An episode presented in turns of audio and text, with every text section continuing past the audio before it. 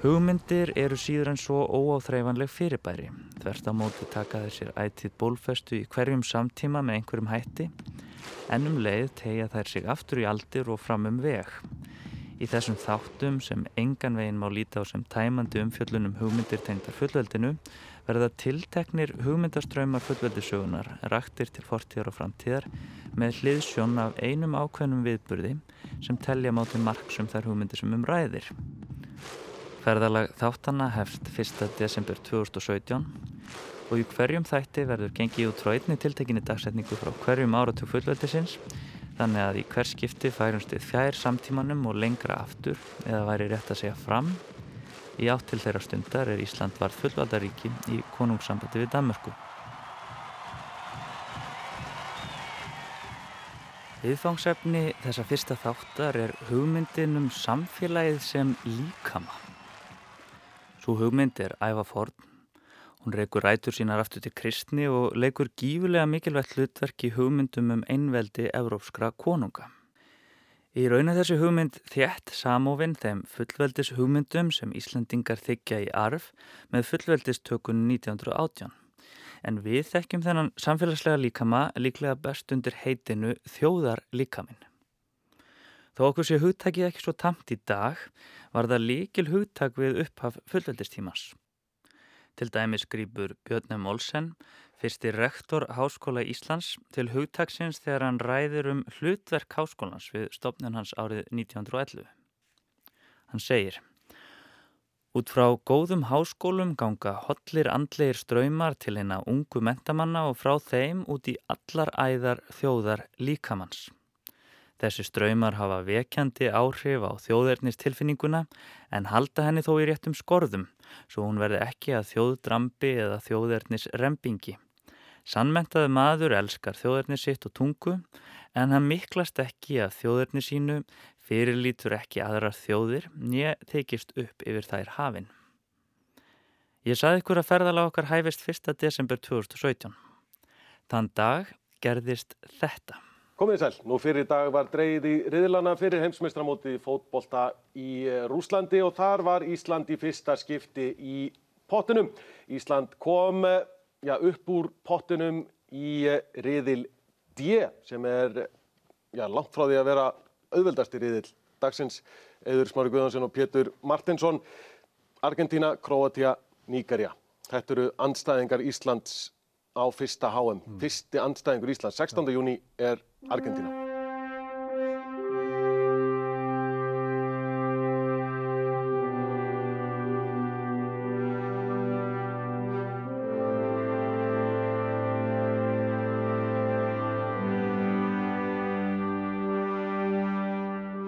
Árið 1651 kom út verk sem átt eftir að skipta sköpum fyrir stjórnmálahugsun á Vesturlandum. Þetta var verkið Leviathan eftir ennskan mann að nafni Thomas Hobbes. Nafn sittur á verkið af forsugulu hafskrýmsli sem sagt er frá í biblíunni en um 1600 er farið að nota hugtækið Leviathan í yfirfæriðri merkingu um valdamikla einstaklinga eða fyrirbæri. Verkið markaði þáttaskil í sögu fullveldishugmynda í Európu. Það ræðir Hobbes um það hver skinsamlegasta stjórnskipun í mannlegu samfélagi hljótið að vera Svo stjórnskipun byggir á óskoruðu yfirvaldi sem hefur æðist völd samfélagsins í höndum sér og kemur í vekk fyrir að stríðandi hagsmunir ólíkra samfélagsabla hleypi samfélaginu í bál og brand í borgarastyrjöld þar sem allir berast á banaspjótum gegn öllum hinnum. Hobbes lýsir því hvernig frumskóarlögumálið hljóti að ráða ríkjum í samskiptum mann á milli komið þeir sér ekki saman um að framselja náttúrulegt frelsi sitt valdtöfum í samfélaginu hverju sinni. Hobbes fjallar ekkert sérstaklega um það hvernig þetta framsal skulle eiga sér stað. Hér er enga veginn komið til sögunar hugmyndum líðræðislega kostningar eða fulltrúaval. Þvert af móti leggur Hobbes ekki annað til en að líkillin að farsælu stjórnarfari sé sá að þegnarnir séu reyðubúnir að tilhera ríkinu sem þegnar þess og hlýða. Samankomnir mynda þegnarnir nefnilega afskaplega öfluga samfélagsheild. Í raun valda mikinn einstakling. Lefa ég þann.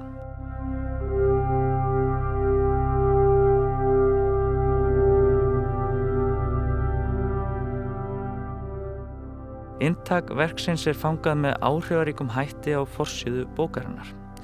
Þar gnæfir Lefa ég þann sem gríðarstór mannslíkami yfir ökrum og hæðum. Mannslíkaminn ber kórónu á höfði, í vinstri hendi hefur hann veldisbrota og í þeirri hægri sverð. Rokkið hár flæðir undan kórónunni og tegnarlegt yfirbræðið er undirstrykað með valdsmannslegu yfirvaraskeggi og hökutopp. Það fyrir ekki á milli mála að hér er konungur á ferð. En það sem stingur ef til vill í stúf, fyrir utan það hversu stóran er, er að líka með hans er ekki sveipaður purpura klæðum eða klættur í brinju. Þessi stað er mikill mannfjöldi samankomin í líkama konungsins. Líkaminn er mannsöfnuður. Á þessari fossiðu sem hannu var að Parísarbúaða nafni Abraham Boss byrtist í öllu sinu veldi líkami hinnar fullvalda samfélags heldar sem lengi framann af lautvaldi konunga. Franska byltingin árið 1789 hrattast að miklum þjófélagsbreytingum í Evrópu sem áttu eftir að binda enda á einveldi konunga. Það er urði ekki mikið tákgræni aftökur gömlu valdhafana en með fallöksunni. Konungurinn var gerður höfðinu stittri og þar með samfélags líkaminn. Nú tóku limirnir völdin, gerðnan í nafni þeirra þjóðurnishugmynda sem röttu sér til rúms á 18. og 19. öld. Þjóðar líkaminn var komin til valda.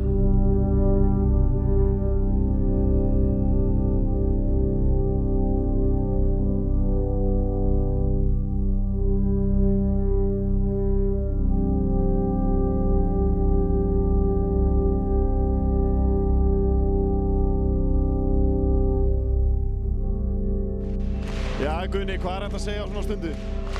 Ég er eiginlega orðlaus, en uh, þetta er svo mikilvægt fyrir okkur.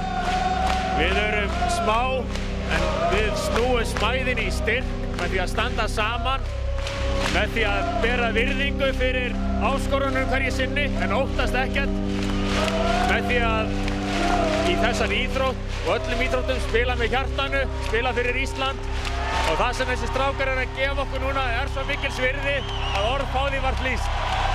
Og stemningin á vettinu, hún er, er rafmögnuð. Hún var rafmögnuð eins og hún er búin að vera og eins og þessi strákar eiga svo skilið. Þetta er sigurinn þeirra en um leið er þetta sigur okkar allra.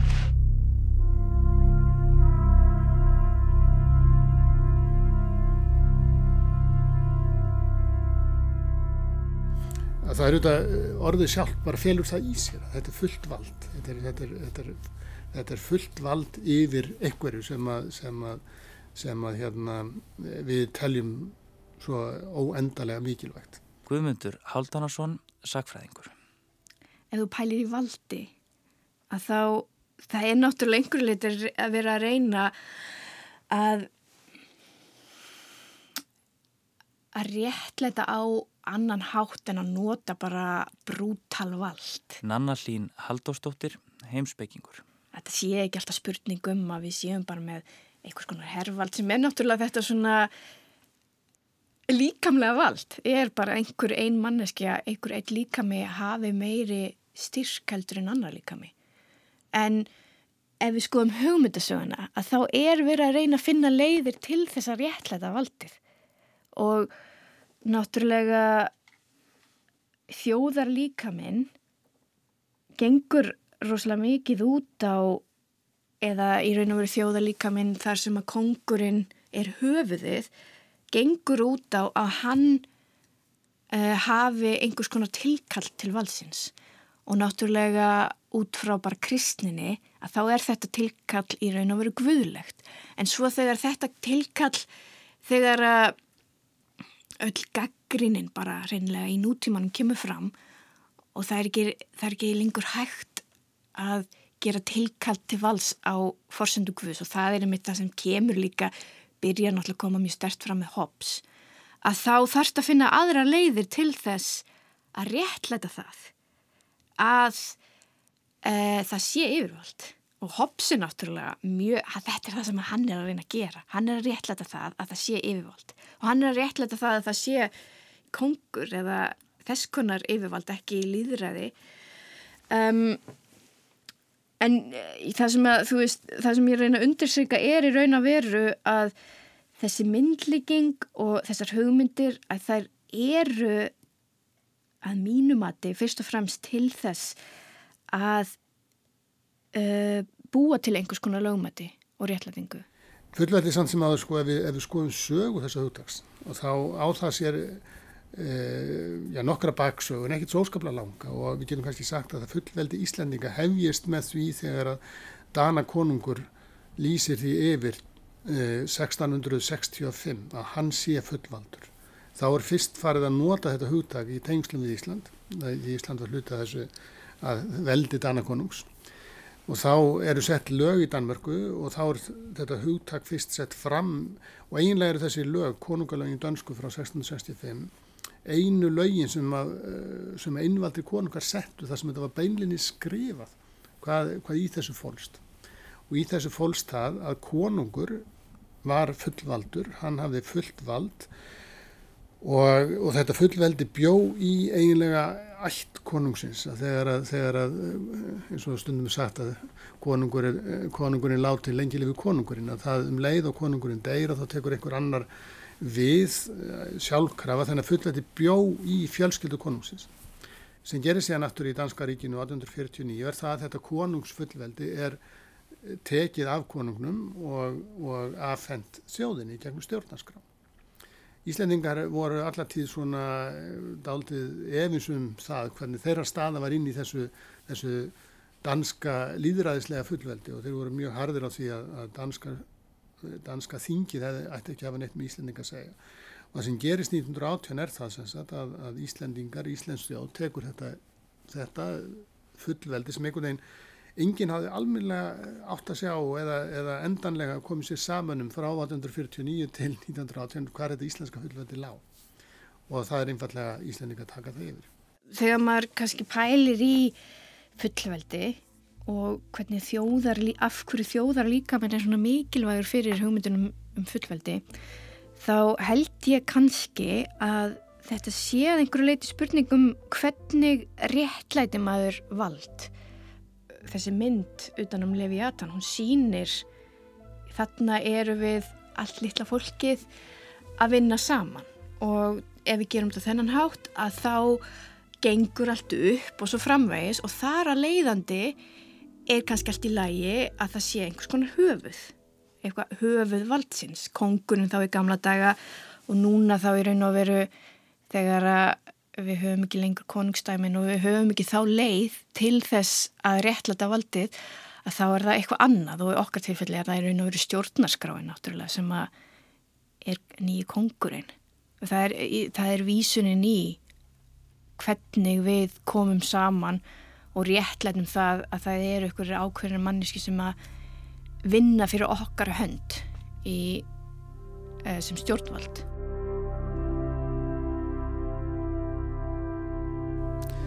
Þeir standa hliði hlið. Kristján Níundi Danakonungur með stjórnarskráni hendi sér í þann mynd að afhendana okkur Íslandingum og fyrsti ráðherra íslenskrar heimastjórnar, Hannes Hafstein, framifyrir stjórnaráðinu við Lækjurgötu. Þetta minnir á boðhlaup. Hannes Harstein tekur við keflinu, stjórnar skrár keflinu fyrir hönd íslensku þjóðarinnar sem kjörin fulltrúi. Þó er í ránt að segja hann hafi verið kjörin af íslensku þjóðinni. Já, Íslendingum þá er fullveldi eitthvað sem þjóðin á. En fullveldisúttakið er, er miklu fjölbrettara og hefur miklu svona viðtakari merkingu heldur en bara það að, að þjóðin sem einhvers konar eins og segja sem myndkverfur einstaklingur hafi, e, hafi þetta vald til að setja lög fyrir þennan hóp sem er íslendingar. E, það til dæmis að fá að taka þátt í að yfka þetta fullveldi, við getum kallað bara við erum að yfka fullveldi þegar við kjósum í kostningum en við erum auðvitað líka að yfka fullveldi bara í því að, að, að vera borgarar í þessu samfélagi og hverjir hafa rétt til þess að, að hérna, taka þátt í þessu. Við segjum að Íslendingar hafa voruð fullvalda 1918 en það er þó alla fyrir 1920 sem að, sem svona já það er svona konu til dæmis fá jafnan rétt til fullveldis og, og karlar tveimur árum eftir 1918 og það nú reyndar fyrir þrýsting frá dönum að, að, að lög sem Íslandingar eru sjálfu sett 1915 um það þegar konum fá kostningarétt um það að þeim var ekki treystandi fyrir þessu. Þær þurfti að það þurfti að eh, setja þeim aðra reglur heldur um körlanum þannig að þær verður að vera ferduar fyrst og svo þetta svona tikka niður um eitt ára hverju þá til að þær myndu ná körlanum Danir sagt, fóru nú fram á það við umræðum Íslendinga 1918 að þetta er þurkað út. En Íslendingar hafa alltaf séð þetta að það er fullveldi þjóðarinnar og sjálfstæði og fullveldi er einhvern veginn í hugum manna bara eitt og það sama. Þegar fullveldi koma á Íslandi að þá var ekki beint hægt að vísa til guðlegsvalds og þá ertu og það sem að kemur með hops fram með hops og þessum svona hérna, sáttmála uh, kenningasmiðum er að það er alltaf einhvers konar vísun á endanum í fólkið og að við erum að gefa frá okkur valdið til þess að boltin rulli bara, samfélagi rulli. Við, þurfum, við höfum í ríki náttúrunar sem er náttúrulega þetta, hérna, þessi hugmyndhopp sem hvernig þið upprönda ástandi er, að þar eru bara allir með kraftin og valdið í sínum líkama og í sínu röttu kannski, en við gefum eitthvað þessu frá okkur til þess sem hefur fullveldið, eða hvernig sem að segja þetta, Þannig að við vitum það bara að á morgun sé ekki einhver að fara að ráðast inn í húsið okkar. Að þá höfum við lögbundið vald, í raun og við lögbundið ofbeldi eins og í lögreglunni, til þess að komið vekk fyrir ef einhver ætlar að fara að ráðast inn í húsið okkar, að þá er lögreglan sem að á að komið vekk fyrir það. Og þetta er það sem að Hobbes er að reyna að gera og reynir að gera á grundvelli þess að þetta er okkur öllum fyrir bestu. Og þjóðalíka minn og þannig koma allar þessar litlu frumur allar, allar þessar litlu manneskjur inn hérna í líkamsmyndina hjá Hobbes til dæmis og er í raun og veru það sem að um, fælst svolítið mikið í þessari myndlífingu Eins og Guðmundur Haldánarsson og Nanna Lín Haldóstóttir benda á þá er fullveldis hugtakið og skilningur þess þegin í arf frá þeim tíma þegar konungar réður ríkjum í Európu. Í kenningum um einveldi konunga sem framkom á síðmiðöldum í Englandi leikur líka með konungsins algjört lekil hlutverk og í raun er rámt að tala um líkama í eintölu því hugmyndin var fólkin í því að konungurinn hefði ekki einn heldur tvo líkama. Melissa Lane er professor við Princeton Háskóla. So the idea of the king's two bodies is the idea that the king has a natural body but also a kind of body politic. Hugmyndin um hérna tvo líkama konungs er fólkinni því að konungurinn sé raun og veru ekki aðeins einn líkami, náttúrulegur og þar með forgengilegur líkami sem gætt vext, dáið og gert mannleg mistök. Þvert af móti bjóð þessi döðlegi líkami í öðrum líkama, hinnum pólitíska líkama sem gjarnan var kentur við krúnuna. Sá líkami var ódöðlegur og hefði stjórnartöma landsins í höndum sér. En fremur var þessi líkami nálægur í öllu konungsríkinu og táknaði samband konungsins við þegna sína. Í honum bjóðið guðilega og því voru orð þessa líkama lögin sjálf. Þessi líkami eldist ekki, hann var ekki skadleiri framrást tímans undir orpin með sama hætti og hinn döðilegi líkami konungs. Hinn er tveir líkamar konungsins eru viðfangsefni William Shakespeare í leikritinu Ríkardur Annar. Í því verki neyðist Ríkardur Annar, konungur Englands, til þess að afsala sér konungsteksinni, öðrum líkama sínum svo að segja, andstæðingi sínum Bolingbroke sem Helgi Haldanarsson íslenskar bólbekkingur í þýðingu sinni. Mitt nafn og tignar heiti er horfið, ég vel helga skýrna nafn, öllu var reynd. Ó þessi dimmi dagur, svo marga vetur hef ég urið upp og veit nú ekki hvaða nafn mér hæfir. Snjókongur vildi ég vera, rétt til gamans, standa mot sól hinn sterka bólbekkings og bráðna sjálfur, burt í drópa tali. Hér kristallast hugmyndin um hennar tvo líkama konungs. Í raun er Ríkardur annar ekki með sjálfum sér. Hann er búinn að glata nafninu og þegar hann byður um speil til að virða fyrir sér andlit sitt, virðist honum andlitið framandi. Og svika speil, þú smjadrar eins og allir sem er fyldu á meðan vel gekk. Var þetta andlit sem veitti dag hver tíu þúsund mönnum vist sinnar hallar? Var það þetta andlit sem liti var með ofbyrtu eins og sólinn, andlit sem horfi kvast á margan glóp en negði sér loks fyrir bólbekkingi. Brótættur er sá ljómi, er um það leikur. Andlitið brótætt sjálft sem ljóminn sá. Og Ríkarður annar flegir speiklinum í gólfið svo hann splundrast í ótal glerbrott. Því þarna er það, hrokkið í hundrað brott, nefn þöggli kongur lærdom þessa leiks, hver skjótt mín sorg fekk sundur tætt mitt andlit.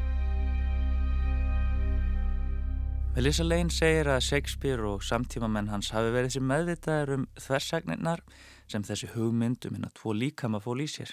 Það er einmitt þær þversagnir sem Shakespeare setur á svið með svo áhrifaríkum hætti í ríkarði öðrum. Enga síður var ákveðin gagsemi fólkinni því að hugsa um konungsvald með þessum hætti. Hugmyndin þjónaði ekki sístem tilgangi að tryggja lögumæti konunglegra ákvarðana, burt séð frá ástandi þess mannlega líkama sem tók ákvarðaninnar. Þó konungurinn væri ekki með öllum jalla, orðin gamall og rumur eða ennof ungur til að stjórna ríkinu.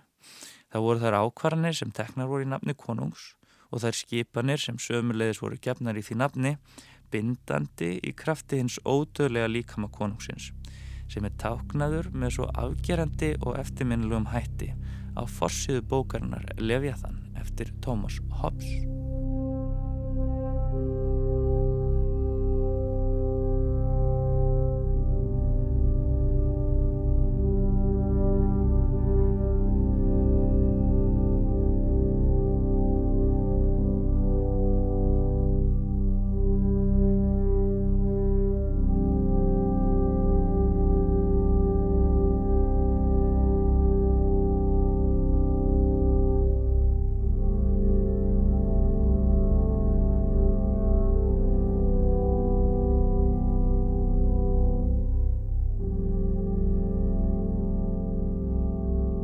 Þó hugmyndin um konungsveldið og erðarétt konunga sé gífilega veiga mikil í þróun þeirra stjórnmála hugmynda sem leitu loks til fullveldis íslensku þjóðarinnar bendir Melissa Lane á að erðarétturinn og konungstegnin séðans einleið til að hugsa um valdastofnanir samfélagsins. The idea that the natural person who is the king dies and then the next natural person automatically in the line of succession becomes king so there's never a moment at which there is no natural person in the role of king.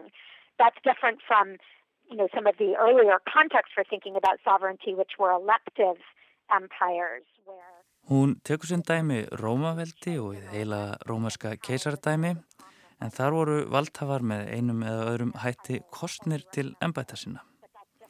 En hún leggur einnig áherslu á það hvernig samfélagum gríkja til forna var stjórnað, þar sem ákveðnir samfélagsópar, nánar tiltekið frjálsir karlmenn, stjórnuðu samfélaginu í sammenningu með einhvers konar líðræðið að leiðarljósi ef til vill sem tók þó engan veginn til kvenna, þræla eða útlendinga.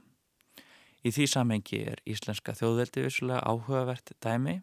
Þar réðu líka höfðingjar ráðum sínum með einhvers konar líðræðslegum hætti þó flóki sé að tala um ríki nútíma skilningi. Melissa segir að í þessum eldri hugmyndum um stjórnskipan í samfélaginu sé að finna skýra hugmynd um að valdið búi með einhverjum hætti í samfélagsheldinni í líkama fólksins svo að segja og að samfélagslegir þáttakandur framselji það vald sem þeir hafa með einum eða öðrum hætti. Hún tekur þó fram að það sé flókið að beita fullveldisugtækinu aftur fyrir það samhengi sem það verður til í á síð miðöldum.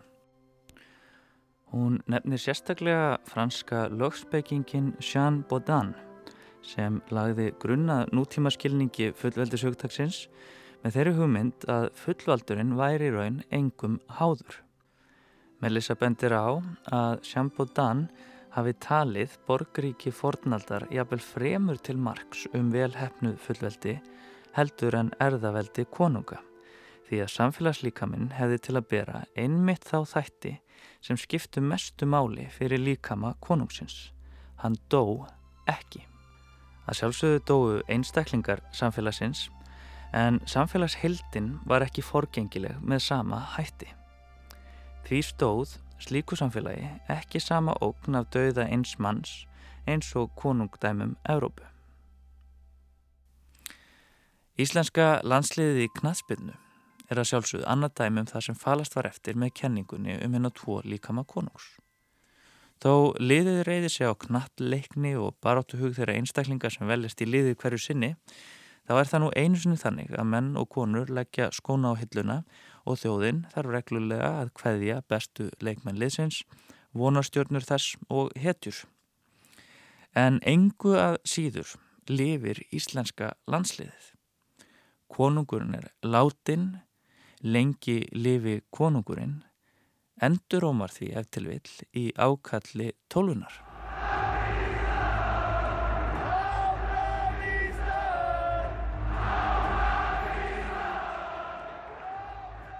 Svo hugmynd að fullveldið byggi í persónu konungsins hafði þann ótvíraða kost að byrtingarmynd þessa fullveldis var ákaflega skýr.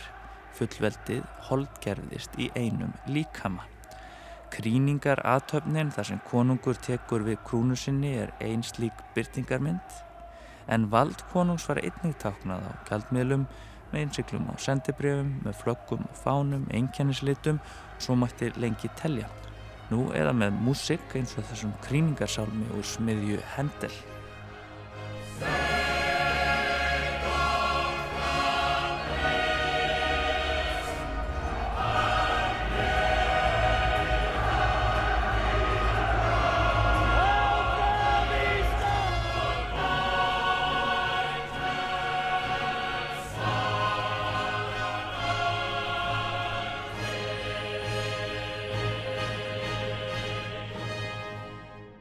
Íslenska þjóðin tekur við fullveldinu úr hendi danska konungsins þá kallar íslenskt fullveldi á nýjar byrtingarmyndir. Guðmundur Haldansson ræðir um yðkun fullveldis í þessu samengi. Yðkun sem erfitt er að aðskilja yðkun þjóðarnis því eins og framhegu komið er það þjóðin sem fer með fullveldið. Íslenska hambúrgarafabrikan, sko. Við vissum ekki alveg hvernig þetta gera nýja þjóðverðnis romantíska fyrirliða borgarunum okkar sómasamleg skil þannig að við letum bara yrkja inblási kvæði til hans. Aron Aron farsalda fræ og fyrirmynd annara manna við berum þér þrótlösa þökk þú hefur allt okkar traust. Afreg þín mikil og mörg og magnaðir stanslösir sigrar þjóðinni blásaði brjóst baráttu vilja og þrótt. Stolt okkar íslenska von Þú átt okkar hjörtu með réttu, landvættur lándrúa góð, legg þú senn undir fót, meir þú mótarja fjöld, mæta með rammeldum krafti, þið trjúfa á hrífandi fas, heldina leiða til marks. Gunnarsson tak okkar tár, trú okkar legg þér á herðar, liðið er fagurt og frít, framtíðin skínandi björt.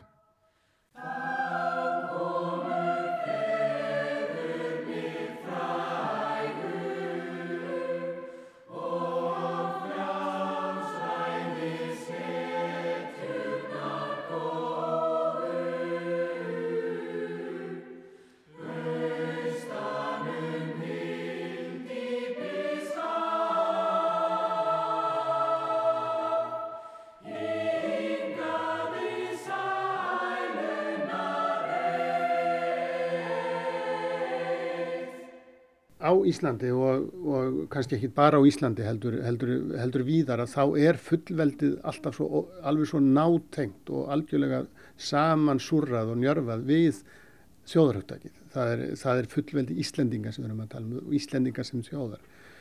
Og þjóðarhugmyndir Íslendinga eru mjög, mjög svona það sem sagt eru útlensku essentialískar. Það eru mjög náttúrugerðar, það eru mjög mjög hérna, það er engin ef í því, það eru ákveði mengi manna sem er þessi þjóð og, ekki aðrin. Sjálfstæðisbaráttan, hún, hún bjóð til svo rómatíska hugmyndum Ísland. Við erum bara öll og svo núna í samtímanum að þá erum við bara öll hérna inspired by Iceland að, að endur segja þessa sögu að því hvað við um öll við höfum náða að lifa í gegnum þúsund ára harræði og á erfiðu landi. Þetta er bara þetta kemur svona ósjárætt út úr manni þegar maður er að tala við ferðamenn á Íslandi. Um, þannig að ég held að, að það er alveg frekar sterk bara ómeðvitu þjóðurnisíkja á Íslandi sem er, hefur alveg verið erfið og kannski uh, hefur verið fylgja hvert annars konar, annars konar líkumum og fólki. En hún er líka, þú veist það er alveg líka næs að vera hluti af hóp. Það er næs að vera hluti af hóp. Og það er næs að syngja Íslandi er landþitt og allt þetta dæmi. Og ég er komin heim eins og maður sá þegar fókbóltinn varð að svona ótrúlega miklu þjóðatakni. Og allir voru að syngja ég er komin heim Við erum með, með, með hérna, þjóðarhugdag sem á sér djúpa rætur í raunverulega í kristni og í, sagt, í þessum trúarvitund eh, lútiski trúarvitund og sem er svona rennur saman við, við svona ríkishugdag þar sem að eh, og svo aftur með romantísku stefninni svo aftur þá þessara, þessara menningalegu áherslu með tungumál og sögu og eh, þessi, þessi svona ímynd þjóðarinnar er mjög útilokandi, hún er mjög, hún er mjög, hún er mjög svona alltum líkjandi fyrir þá sem eru með. Og þessin er þetta verður þetta svona líkamleg hugmynd, þetta verður svona fjölskyldu hugmynd. En hún er líka afskaplega útilokandi fyrir þá sem vilja komast inn af því að, af því að, af því að eh, hún skilgreinist og hún, hún helgast af svo að þáttum sem þú getur ekki tilengað þér, þú getur ekki tilengað þér sögun eða ímyndin um það að þú set einhvern veginn afkomandi eigin skallarkvíssonar eða þú kemur einhvers annar stað frá. Þannig að þetta er ákveð, þetta, þetta hefur þjónar Íslandingum mjög vel fram að þessu, meina, er, þetta, þetta fylgja þessu mjög jákvæði þættir, þetta fylgja þessu þessi, þessi tilfinninga vilja hugsa um aðra Íslandinga, við eigum þetta, við erum saman í þessu fullveldis prósetti sem að, sem að byrjaði fyrsta desmi 1918 en, eh, en kannski ekki alveg eins eh, það, það er svona ákveðin erfileikar við það að takast á við þannig nútíma sem við búum í núna þar sem að allt er miklu meira fljótandi landamæri er ekki eins skýr eins og það voru og, og það eru fólk sem vil setjast í rað og, og líka íslendingar sem vilja fara eitthvað annað og, og hvað gerist það með þeirra fullvæti þá? Ég meina það og sérstaklega í tengslu þetta svona þessa þjóðverðnis skilgarningu á fullvætinu Íslendingar hafa sjálfsögðu litið til þingvalla í þessu samhengi þar sem höfðingjar þjóðveldisaldarinnar réðu ráðum sínum feðurnir frægu og frjálsræðis hetjurnar góðu eins og Jónas Hallgrímsson orti. Eins og framöfu komið þá er sögulega afar vafarsamt að yfirfæra fullveldishugtakið yfir á þann tíma. Íslandst ríki í nútíma skilningi var ekki til og líðiræði var ekki fyrir að fara á okkar tíma mælikvarða en þó töldu menn sér finna þar fyrirmynd að holdgerfingi hins nýja fullvalda og síðar sjálfstæða íslenska ríki.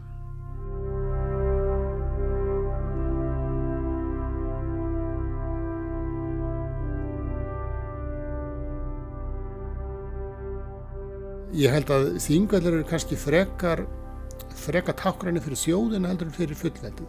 En í hugum Íslandinga er volið erfitt að greina þar á milli að, að hérna að eh, Íslandingar sjá þetta sem, sem vald þjóðarinnar, sem einhvers konar myndkverðan einstakling. Og þar eru leika þingvelli svona ákveðið, mjög ákveðið takkurallutverk eins og segi 1944 er, er líðaldi stopnað á þingvellum. 1930 hafðu Íslandingar haldið upp á aðmæli alþingis og, og, og eh, Já, þar fór saman sagan og, og stjórn Íslands og, og síðan afhendur konungur tákgrænt þegar maður auðvitað stjórnarskráin hafði verið samþygt í janúar 1874 og var það lögum þá en, en tákgrænt kemur konungur til landsins og svo haldið þingvalla háttið í ágúst uh, 1874 og það múið segja að það sé, eh, sé svona eiginlega tákgrænt upp af þessara, þessara þingvalla háttíða og, og þjóðfunda á þingvallum sem að eru, eru þá eða þjóð hátíða frekar á þingvöldum sem hafa verið haldna svona með reglum um millibíla og það gerum við getum kannski sagt að, að tákgrænt hafi Íslendingar á þessum þjóð hátíðum staðfest svona þetta samband sem við getum kallað samfélagsáttmálan sem er eiginlega samband þings og þjóðar. Og uh, þá er komað að því að þingfundur hefist hér á Lábergi eins og fram hefur komið verða tvö mál tekinn hér fyrir annars vegar er það endur skoðun mannreitindarsáttmála stjórnarskrárinnar og hins vegar stofnun hátíðasjós sem alltaf er að styrkja málrækt og rannsóknir á lífríki hafsins. Og hingaði komin Helgi Már Arstússon, frettamæður. Menn átti eitthvað erfitt, var það ekki með ákveða hvað ætti að taka fyrir hérna?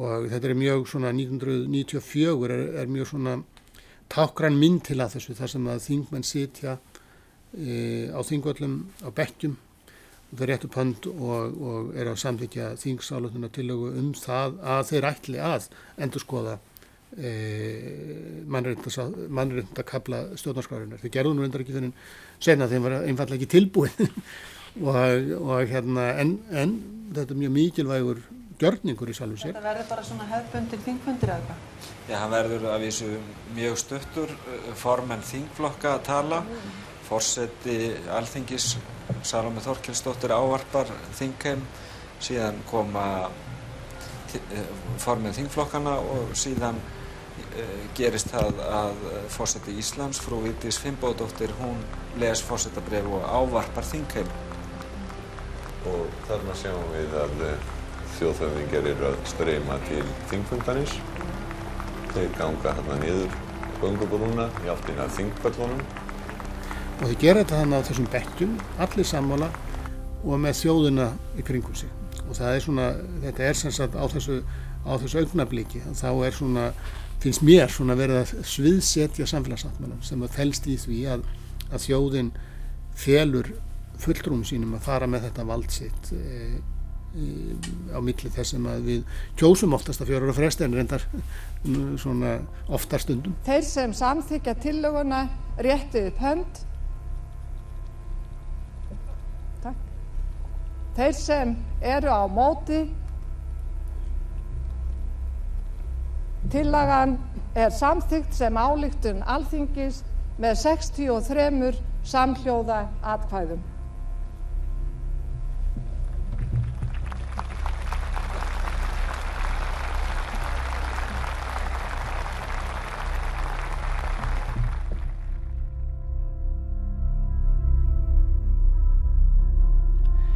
Hér er þjóðar líkaminn, hinn hauslausi líkami konungsins, samankominn í einni hendingu 17. júni 1994.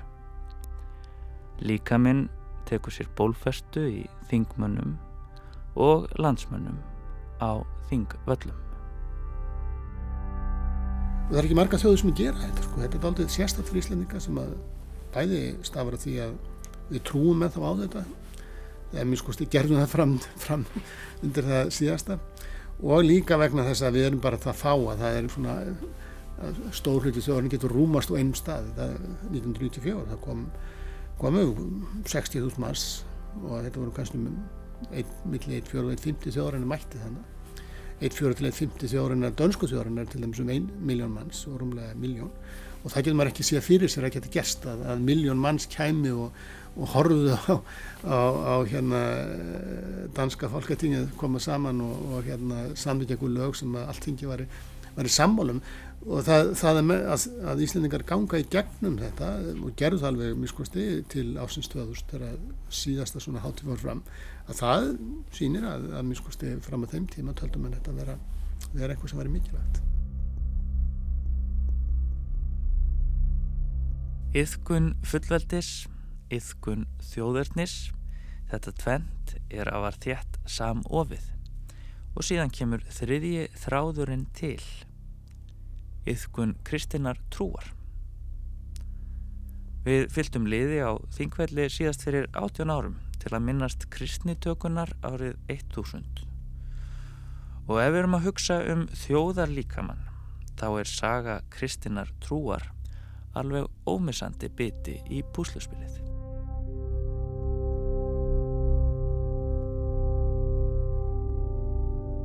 En kirkjan er líka með hans og fyllist af honum sem sjálfur fyllir allt í öllu. Hugmyndinum um hérna kirkjuna sem líkama krist hún er mjög gömul og hún er alveg aftur til brefa Páls Postula.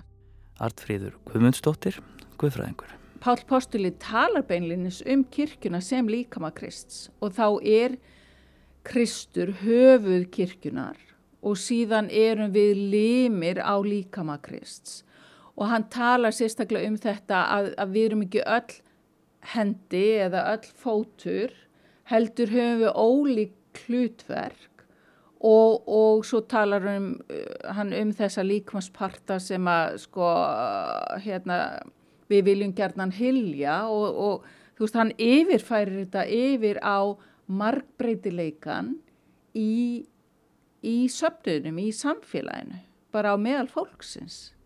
Og það er hugmynd sem er mjög lifandi enn þann dag í dag, að tala um kirkjuna sem líkama Krists.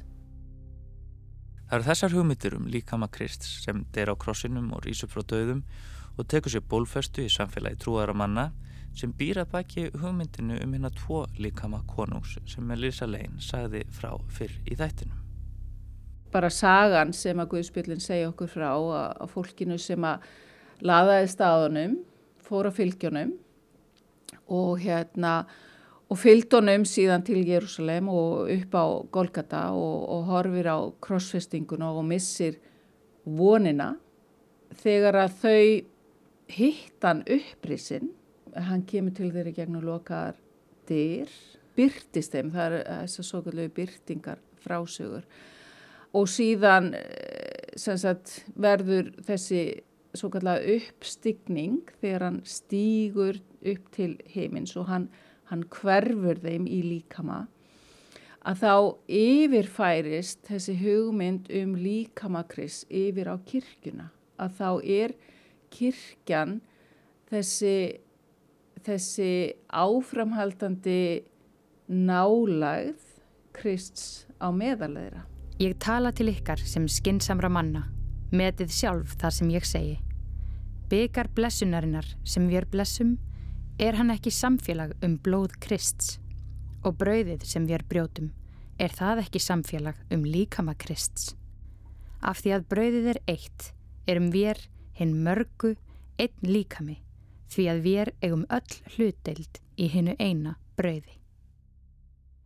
En síðan er Kristur að sjálfsögðu sjálfur nálægur, alltaf er sakramentið byggir á síðustu kvöldmáltíðinni sem að Kristur hafði átti með sínu fólki að þá sagði hann sko þetta er minn líka með minn brauðið og þetta er mitt blóð um, um hérna vínið. Og hann sagði sko neyti þessa svo oft sem að þið sko hittist til þess að minnast mín.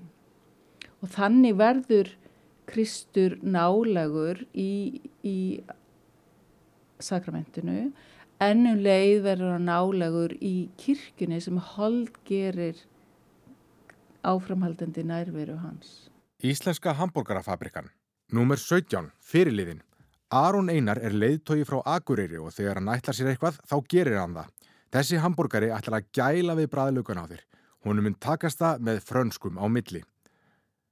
120 gram hágæða ungnautakjött, ristuð serrano skinka, kvítlöksristaðir sveppir, karamelliseraði rauðlaugur, ostur, franskar á milli, kál, paprika og chili bernessósa.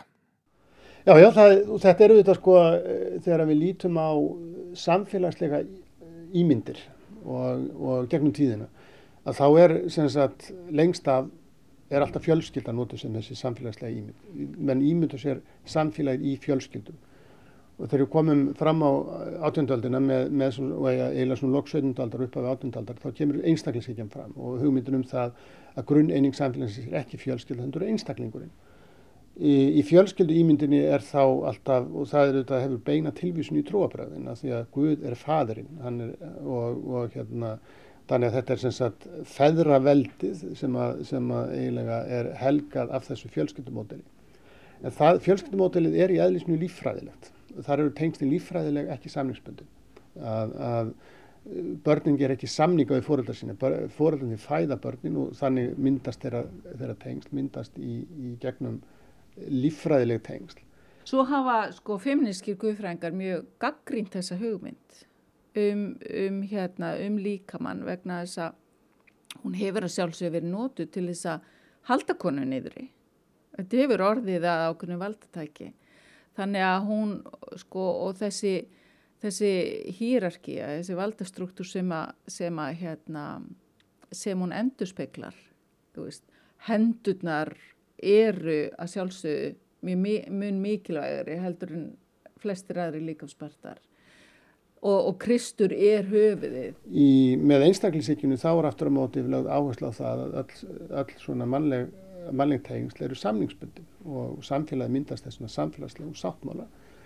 Og þá er bara spurningi hvort við getum sagt þessum sáttmála upp eða ekki og, og hérna og ef við, ef við lítum á það sem sagt barni getur ekki sagt upp samningi sínum með fóreldrarna því sá samningur er, er eins og segja lífræðilegur, er líkamlegur er, og myndast við, við, við mjög líkamlega ratafnir þannig að, að það er mjög eðlilegt að, að, að færast sagt, eða hugsa sér samfélagi í svona, í svona sem líkama þegar þú hugsaður út frá, frá fjölskyldunni.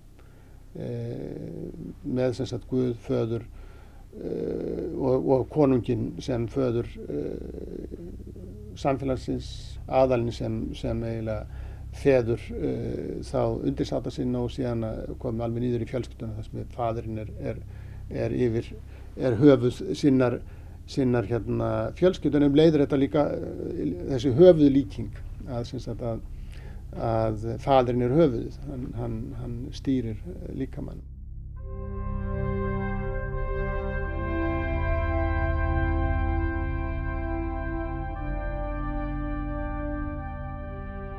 Það verður mjög áhugavert í þessu samhengi hugtakið sem við notum um íslenska karlalansliðið í fótbolta. Strákarnir okkar. Akkurat og akkurat og þeir eru strákarnir okkar, þeir eru börnin okkar. það, það, það er alveg rétt, er, það, það er alveg, alveg ljóst í þessu líkingamáli að, að, að bæðir eru þeir okkar en þeir eru líka strákar. Sko.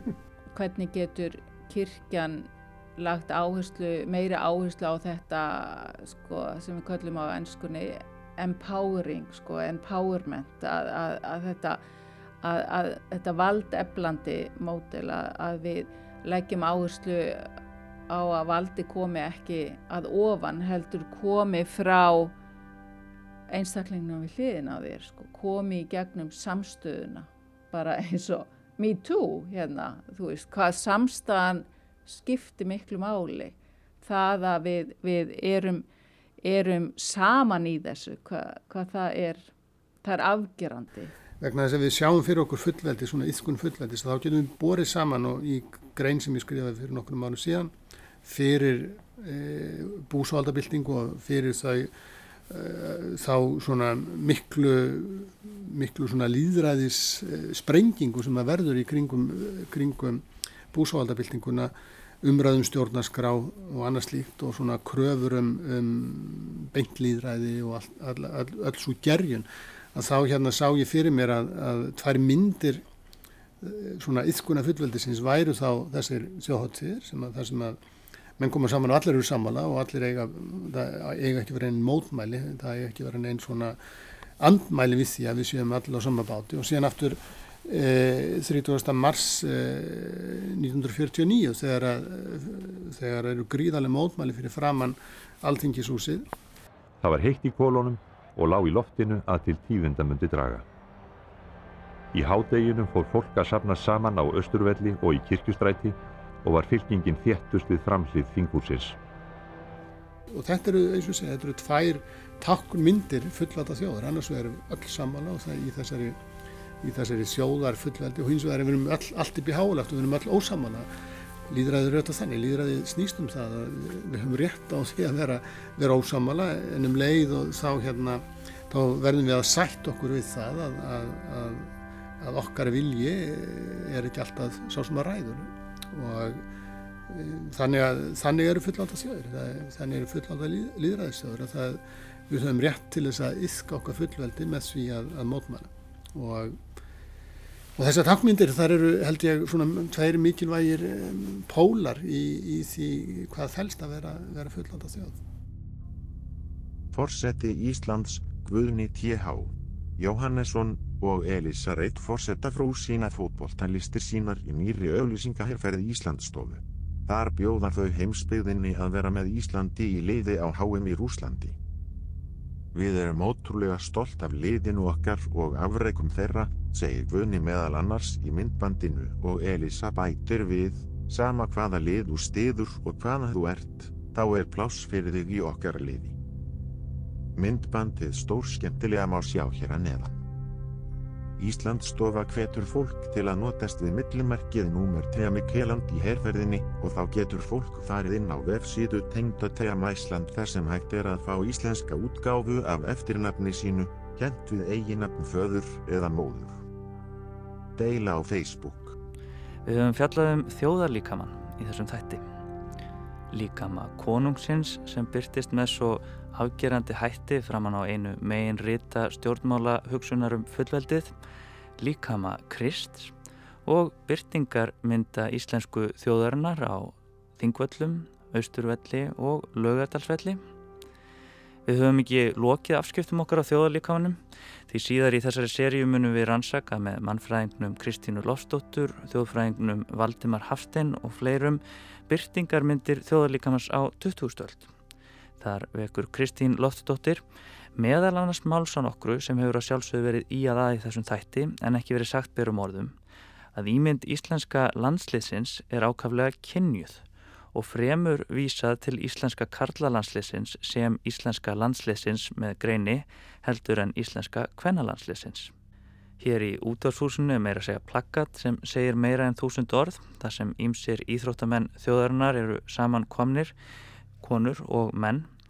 Í forgrunni er fyrirliði íslenska landsleysins, hann réttir út hendurnar og skikkir einhvern veginn á alla aðra íþróttamenn á plakatinu.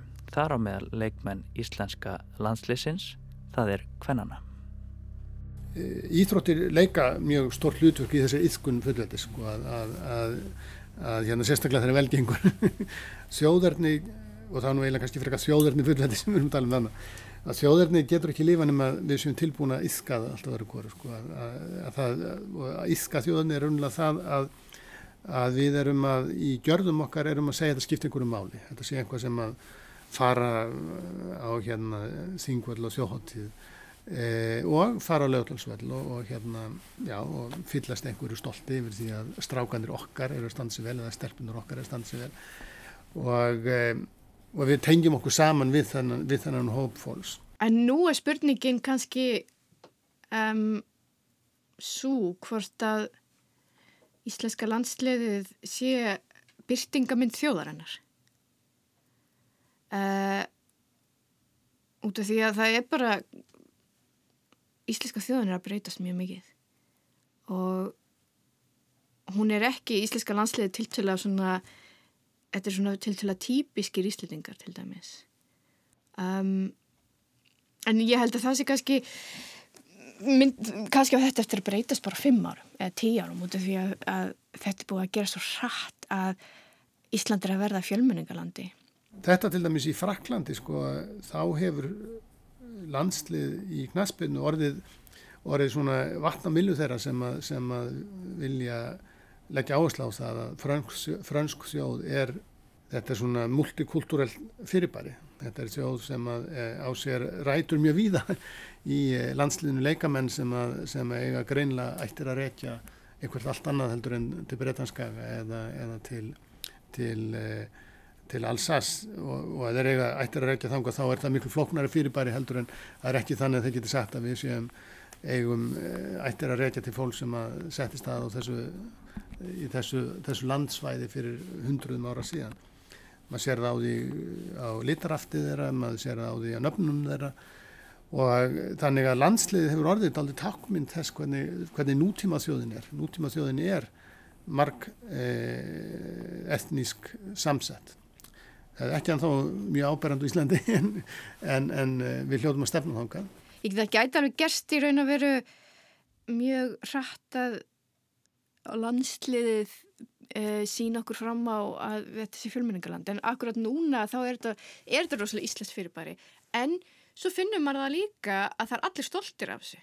Uh, að ég meina ég fór til Íran fyrir ári síðan. Íran veit ekki, fólk í Íran veit ekkert um Ísland. En núna veit fólk í Íran allt um Ísland og, og maður finnur það að útlendingar á Íslandi og nýjir Íslandingar eru líka jafn stoltir af fókbaltanum eins og eins og þú veist fólk sem hefur verið, er fætt hérna og hefur verið margar kynsluður Íslandingar þannig að þetta er alveg, þetta er, þetta er ótrúlega stert saminningaták um, og fókbólti náttúrulega bara eitthvað, er eitthvað sem nær fólki ótrúlega mikið saman og kannski líka í sundur ef maður hugsa út í það Fellow fans around the world Our men's national football team will soon stand on the world stage in the upcoming World Cup We're incredibly proud of our team and their accomplishment. A nation of 340,000 people will support our team. Join Team Iceland this World Cup and cheer for Iceland with us. Win or lose, there's always the excitement of being a part of something big, even when you're small. So come along for the celebration. Everyone is welcome. No matter what you're a fan of, what you believe in, or where you live, there's a place for you on our team. We will cheer for Team Iceland. We hope you'll join us. That was showing up. This is why we're not on the national teams.